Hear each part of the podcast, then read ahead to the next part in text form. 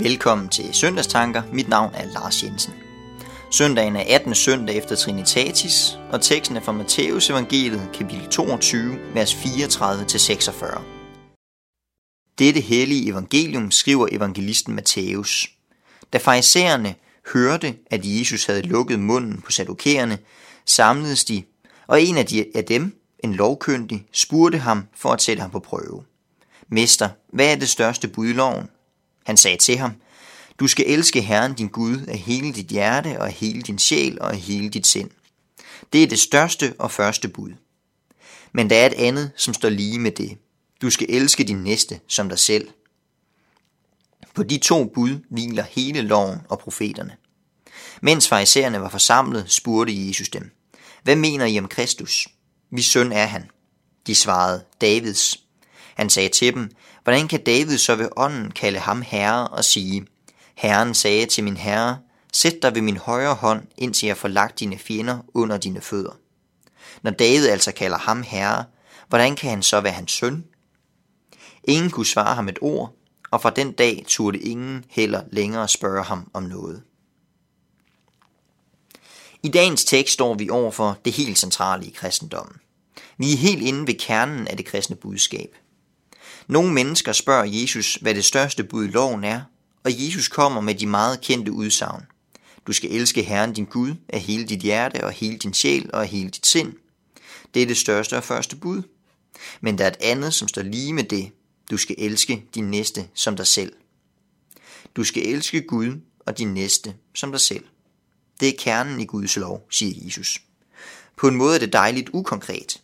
Jeg kan selv putte nogle ting i det, ind i det, og selv definere, hvad det betyder for mig at elske Gud og min næste. Og sådan tror jeg også, at der er mange, der opfatter det. Men sådan skal det ikke forstås. Guds bud er samtidig meget konkrete og kræver at blive overholdt. Kærlighed er ikke bare en diffus størrelse, men også konkrete problemstillinger, som kræver konkrete svar. Og Bibelen giver meget vejledning om, hvilke handlinger, der i sidste ende er udtryk for kærlighed, og hvilke der ikke er. Fordi Gud, der har skabt verden, ved bedre end os mennesker. Så Jesu er ikke sådan en blankocheck til bare at tænke diffust om kærlighed og gøre, hvad vi vil. Faktisk, jo mere man tænker over det, jo voldsommere virker Jesu ord til at være. Du skal elske din næste som dig selv, og du skal elske Gud af hele dit hjerte. For de fleste af os er vi selv det naturlige centrum i tilværelsen. Vi arbejder på at maksimere vores egen lykke, vi kæmper for, at vores liv skal være godt og behageligt.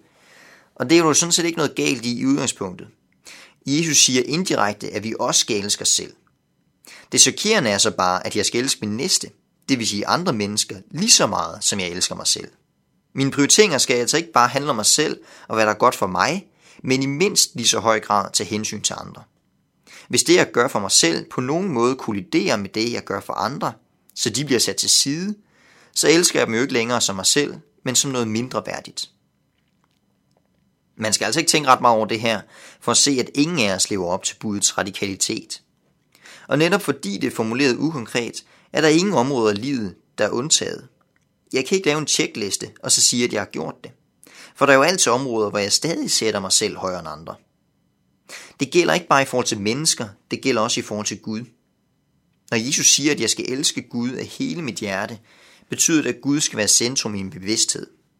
Han skal være den, den al min kraft og tanke ønsker at tjene og behage.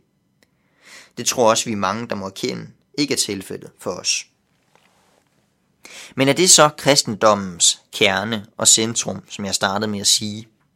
Et deprimerende budskab om, at Jesus ønsker, at vi skal elske næsten og Gud, men at vi ikke kan leve op til det.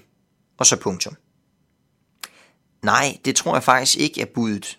Jeg tror ikke, det er budet, der står i centrum af den kristne tro, men det, som Jesus har gjort. Budet er til for at vise os, at vi ikke lever op til det. Men kristendommens centrale budskab er, at mennesker, du og jeg, ikke har levet, som vi skulle, og at vi er skyldige over for Gud på grund af det. Men Gud blev menneske i Jesus, og så døde han i stedet for dig og mig. Det lyder underligt, og det er heller ikke til at fat for os. Men det betyder, at alle de forkerte ting, vi har gjort, det er, at vi ikke har elsket vores næste som os selv, og ikke har elsket Gud af hele vores hjerte og hele vores sind og af hele vores sjæl. Alt det kan blive tilgivet. Hvis vi kommer til Jesus, for eksempel ved at bede til ham, så tager han imod et menneske og tilgiver alt det forkerte. Dagens tekst viser os altså et krav, som ingen kan leve op til. Kun ved at se, at der også er tilgivelse at få, bliver dagens budskab og tekst til at holde ud. For når jeg ser, at der er tilgivelse at få, får jeg igen lyst til at gøre godt mod min næste. Og jeg får også en taknemmelig kærlighed til Gud, der tilgiver alt det forkerte, når jeg kommer til ham. Det er kristendommens kerne og centrum. Det er hele pointen med det kristne budskab, at det ødelagte forhold mellem Gud og mennesker kan blive genoprettet.